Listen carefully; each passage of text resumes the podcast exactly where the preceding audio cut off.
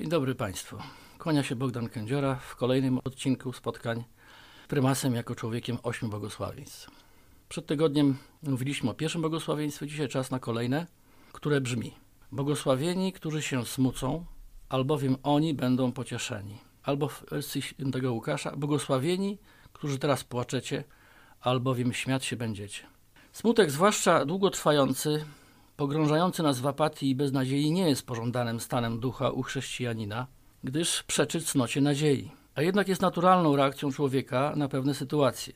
Jezus jako człowiek był smutny, gdy płakał nad Jerozolimią, z tego powodu, że nie rozpoznała czasu swego nawiedzenia. Płakał też, gdy stanął nad grobem swojego przyjaciela, zmarłego Łazarza.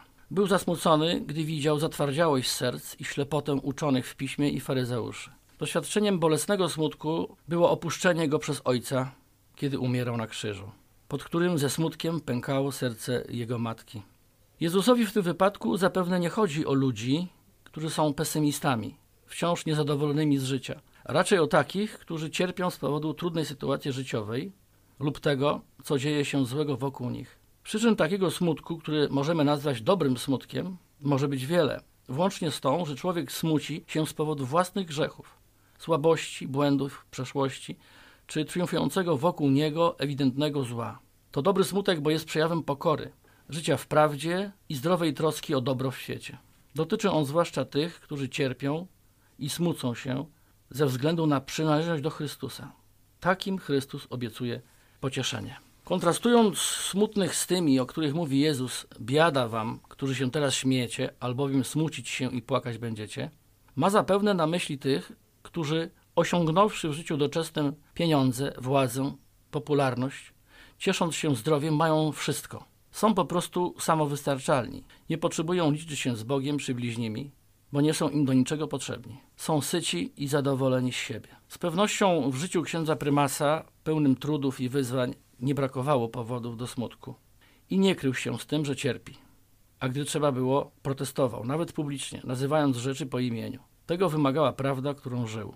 Jak sobie radził z tym? Jak sobie radził ze smutkiem? Nawet w czasach największego smutku, w czasie wojny, w więzieniu, czy w czasie ataków komunistów na niego osobiście i na Kościół, szukał pocieszenia w Bogu, w Jego mądrości, opatrzności i miłosierdziu oraz w Matce Bożej, której się całkowicie oddał w niewolę. Był człowiekiem chrześcijańskiej nadziei, która nie jest tylko tanim optymizmem czy tak zwanym pozytywnym myśleniem, które są podróbkami prawdziwej nadziei.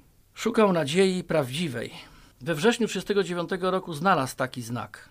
Otóż w czasie kampanii wrześniowej spotkał rolnika, który siał. Tak wspominał to wydarzenie. Rolnik, którego spotkałem we wrześniu 1939 roku pod miasteczkiem Irena nad Wieprzem, siał, podczas gdy wszyscy uciekali, gdzie kto mógł. Właśnie spowiadałem w rowie żołnierza i obserwowałem tego człowieka, który spokojnie siał. A żołnierz płacząc, jak dziecko powtarzał.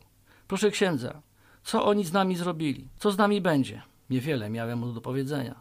Wskazałem ręką. Widzisz tego siewcę? Patrz, on nie płacze. On sieje. Gdy udzieliłem żołnierzowi rozgrzeszenia, podeszliśmy razem do siewcy. Zapytałem, pan sieje? Czy pan nie widzi, jak szosą na Lublin wszyscy uciekają? A on odpowiedział, proszę księdza, jak zostanie ziarno w spichlerzu, to się spali, a jak będzie w ziemi, to zawsze ktoś chleb zbierze.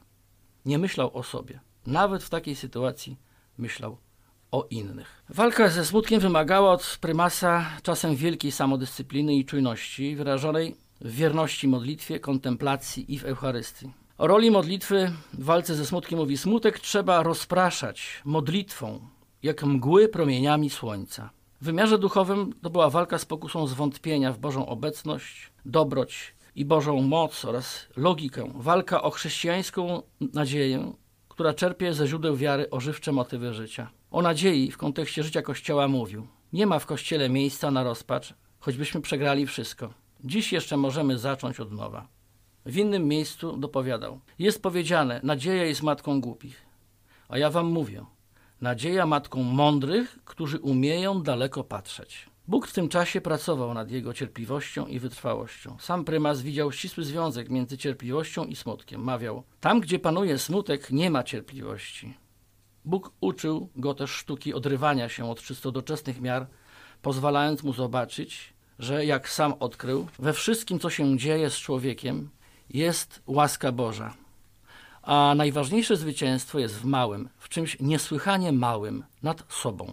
Szukał radości, która obok nadziei była lekiem na wielki smutek. Dlatego mówił: Radość wewnętrzna jest największą bronią przeciwko szatanowi, który jest smutny z urodzenia. Sam, mimo wielu trosk, starał się być człowiekiem pogodnym. Nie stronił od żartów i sam lubił żartować. Może kilka przykładów. Biskupie wizytacje to wdzięczne źródło anegdot, które często kardynał Wyszyński opowiadał domownikom. Podczas posiłków trzeba zresztą pamiętać, że wizytacje prymasa tysiąclecia w siermiężnych czasach, gdy Polska zwała się ludową, były dla parafii i wspólnot wydarzeniami bez mała historycznymi. A jak wiadomo, podniosła atmosfera to nerwy, a nerwy to zdarzało się na przykład, że prymasa powitano wyszukanym zwrotem najprzewielebniejsza ewidencjo. Innym razem stremowany parafianin z nerwów miętosił w ręku czapkę. Wreszcie wydukał do dostojnego gościa. Kochany księże prymasie, ojcze nasz, który jesteś w niebie. Zaraz się jednak zreflektował i wypalił. O psia macie, w pacierz zaszedłem. A potem to już tylko trochę czapkę cisnął i uciekł. Z upodobaniem prymas opowiadał tę historię. Innym razem pewien mężczyzna stał stremowany i czekał, aby uroczyście powitać kardynała Wyszyńskiego, ale tłum popchnął nieszczęśnika. Ten upadł i syknął. Ka, wasza mać. Na to prymas. Skończ, bracie, z tą genealogią. I zaczynaj. Jeszcze jeden może przykład związany z spotkaniem z, z Żydami. Tu trzeba dopowiedzieć, że często zwracając się do osób duchownych używali pojęcia pan, pan papież, pan kardynał. Na spotkaniu z prymasem przemawiający w imieniu delegacji żydowskiej zwracał się do kardynała Wyszyńskiego per panie prymasie. Zapewne widząc y, niezadowolenie części słuchaczy, inny członek delegacji przerwał przemawiającemu. Mów proszę księdza prymasa, a nie panie prymasie. Na to kardynał Wyszyński uśmiechnął się i wskazał palcem ku górze. Nic nie szkodzi. My do niego codziennie zwracamy się, Panie Boże, i on się nie obraża. A ja miałbym się obrażać? Bóg, hojny w miłosierdzie, pocieszał prymasa jeszcze za życia w sposób przekraczający ludzkie kalkulacje. Proszę Państwa, prymas doświadczył przecież y, jasnogórskich ślubów narodu. Wprawdzie był wtedy w więzieniu, ale gdy dowiedział się, że, że brały udział w tej uroczystości tłumy, był niezwykle radosny. Widział później tłumy na ulicach, gdy obchodzono milenium y, chrztu Polski. Później, y, kiedy wybrano na papieża Karla Wojtyłę, jego bliskiego współpracownika. Wreszcie, gdy ten przyjechał do Polski z pierwszą wizytą w 1979 roku.